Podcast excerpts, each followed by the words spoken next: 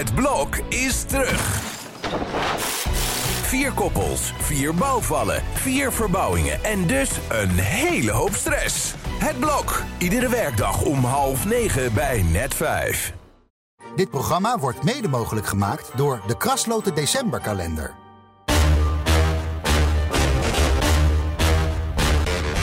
Dit is Strikt Privé, de dagelijkse showbiz-update met Evert Zandegoed en Jordi Versteegden.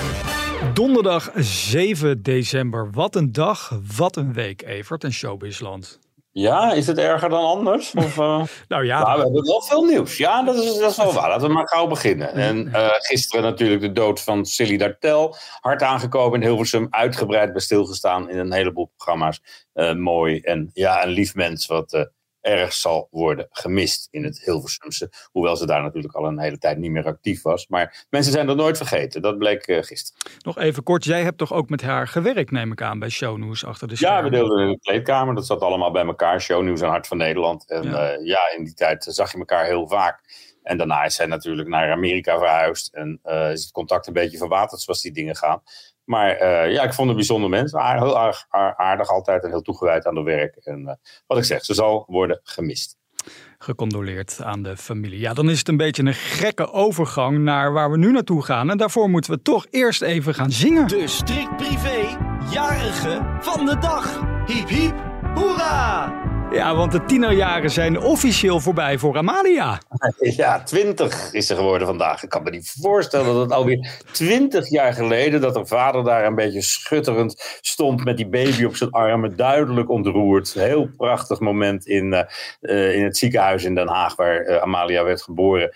Ja, twintig jaar. Het vliegt ja. voorbij, joh. Niet te geloven. En dan doen ze altijd heel geheimzinnig daar bij de koninklijke familie van hoe ze dat dan vieren. Maar hoe, ja, wat, wat stel jij je daarvan voor? Een taartje op tafel? Nou, wat is het? Een feest is met vriendinnen en zo en, uh, en vrienden. En dat, uh, dat heeft ze in coronatijd ook een keer gedaan. Dus dat nu ze weer kan, kan ze helemaal los. Ja. Maar ik weet niet hoe wild het uh, gaat worden. Want inderdaad, daar krijg je eigenlijk nooit wat van mee. Woont ze nog in Nederland eigenlijk? Want ze wordt de laatste tijd ook weer veel in Madrid gespot, geloof ik. Ja, ze wordt veel in Madrid gezien. Daar schijnt ze ook een vriend te hebben. Maar oh. ja, daar lopen we allemaal maar niet op vooruit. het, is, ja, het is een onderwerp waarvan mensen liever hebben dat je het er niet over hebt. Omdat die ja. hele beveiliging erbij komt kijken en zo. En daar heb ik altijd wel begrip voor. Dus uh, ze, haar leven dat speelt zich af in zoveel mogelijk op de universiteit.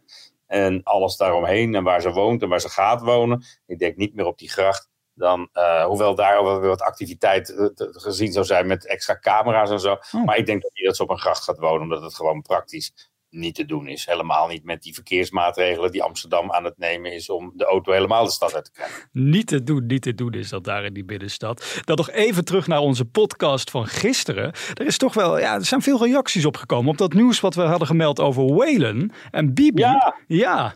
Ja, nou, vrij snel kwamen ze zelf met de bevestiging van het nieuws. Bij Boulevard hadden ze de grote moeite mee dat we dat uh, brachten. Ik vond het wel een hypocriet zootje daar hoor. Eerst dat nieuws brengen en dan vervolgens de boodschapper om zeep gaan helpen. Ja. Dan denk ik, nou, uh, had, als je het dan zo erg vindt dat dit nieuws op straat ligt, had het dan voor je gehouden en het onderwerp genegeerd. Maar niet het eerst brengen en dan uh, zeggen dat wij daar veel te ver mee gaan om het in zo'n vroeg stadium naar buiten te brengen. Ja. Dan denk ik, nou Bridget, kijk jij maar uit dat er geen mensen geheugenverlies krijgen in je, in, in, in, in je, Slap. Ja, dus uh, maken jullie dat programma, maak ik mijn blad. Ja, want even tot slot over de, voor de duidelijkheid. Jij gaat echt niet zomaar tot publicatie over, toch? Er wordt altijd over nagedacht voordat je iets... Ja, ja, was zo duidelijk en uh, die, die, die zit zo dichtbij. Dus uh, dat was een overweging. En als zij het zelf aan mensen gaan vertellen. Ja, het is nou eenmaal nieuws wat rond gaat zingen. Ja. En dan heb je het toch aan te veel mensen verteld waarschijnlijk. Zelf. Nou, nou ja, ik weet niet of jij dat nieuwtje wat je nu uh, bij je hebt wel mag brengen. Of er dan weer mensen boos worden over Bo en Gordon. Want dan weet je ook ja, Die zijn samen op pad. En, ja. en uh, ik weet niet met welk doel. Of Bo uh, Gordon zover gekregen heeft om één keer zijn hele verhaal te doen of zo. Voor een interview. Zoiets. Maar er zit iets aan te komen. Een samenwerking tussen Bo en Gordon. Oh. En wat dat is, dat hoop ik eerdaags te kunnen vertellen. Maar hebben zij iets met elkaar? Hebben zij eerder een programma met elkaar gemaakt? Nee. Oh, nee. Uh, nee, volgens mij. Nou ja, ze zitten al heel lang in, die, in diezelfde vijver natuurlijk. Dan bij RTL, dan zit de ander bij SBS. Maar ze komen elkaar regelmatig tegen. En uh, ze, ze, kennen elkaar. Of het klikt, weet ik niet. Maar hmm. nou, het zijn mijn twee beste vrienden in de showbiz ongeveer samen. Het kan wel wat opleveren. Nou, ik weet niet of Galit en Sophie ook zo'n goede vrienden van elkaar zijn. Maar ze krijgen in ieder geval wel de late avond van NPO 1. Nou, het is nog niet helemaal bevestigd. Ik zou het ook onvoorstelbaar vinden als het echt zo is. En, uh, ja, ik kan me niet voorstellen dat zij een groot publiek gaat trekken op die late avond. Alleen nog met z'n tweeën, of hoe ze dat dan ook bedacht hebben. Ik dacht echt dat dat programma uh, alle kansen gehad had en zou verdwijnen. En niet zou promoveren naar uh, primetime, de prestigieuze het laatste tijdstand van NPO 1. Ja, op dit moment zijn de redacteuren van Op 1 en ook de presentatoren. Ik had net Charles Groenhuizen nog aan de telefoon. Die zijn echt oprecht verdrietig. Ze hadden dit niet zien aankomen, dit nieuws. Dus uh, ja, ze moeten nog zes maanden voorlopig door. Eh, dat, lijkt me dan toch lastig. Ja, maar volgens mij kan Charles Groenhuizen zijn ogen bijna niet meer open houden om tijd s'avonds. Dus ik zou ook kunnen voorstellen dat hij bevrijd is ervan. Maar dat is hij niet. Niet het beste duo, laat het zo zeggen. Oké, nou, mening, mening. En, en Eva Jinek definitief bevestigd, wat jij eigenlijk al eerder wist natuurlijk, hè, dat zij dat zeven uur tijdslot gaat, uh, gaat doen. Ja, we hebben een paar van die primeurs gehad wel hier. Hè?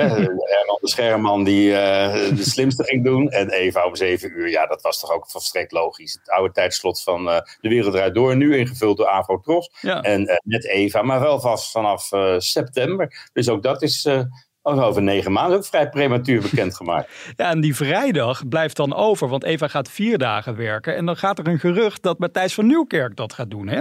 Ja, ik kan me niet voorstellen dat hij zich als eh, vervanger van, van Eva Jinek, die de vijfde dag niet volhoudt, wil laten inzetten.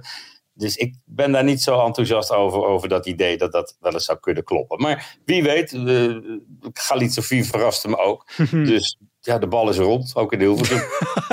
Zullen wij tot slot, uh, nu we toch bezig zijn en alles bespreken, Peter Gillis nog even meenemen? Want uh, ja. ook een shock voor hem gisteren natuurlijk. Nou, dat zei hij zelf ook. Dat is zijn grootste park. Dat is ongeveer waar zijn imperium begon. En als dat moet sluiten, dan, en er dreigen nog andere burgemeesters met uh, maatregelen die volgens hen genomen moeten worden, dan hangen er wel heel erg donkere wolken boven Ooststap vakantieparken. Peter kondigde aan maatregelen te gaan nemen. Ik kan me voorstellen dat dat op juridisch gebied is of zo. Hmm. Maar uh, ja, als je de, en de field achter je aan hebt en bibop-regelingen en burgemeesters tegen je en die gaan handhaven en vergunningen intrekken, dan wordt het volgens mij wel moeilijk om op de oude voet verder te gaan. Sterker nog, dat, dat gaat niet op de oude voet verder. Hmm, wordt vervolgd, ongetwijfeld ook weer in een volgende podcast. Morgen is het in ieder geval vrijdag en weer tijd voor de persconferentie. Dus heb je vragen voor Evert, stuur ze in via podcast.telegraaf.nl. Tot dan!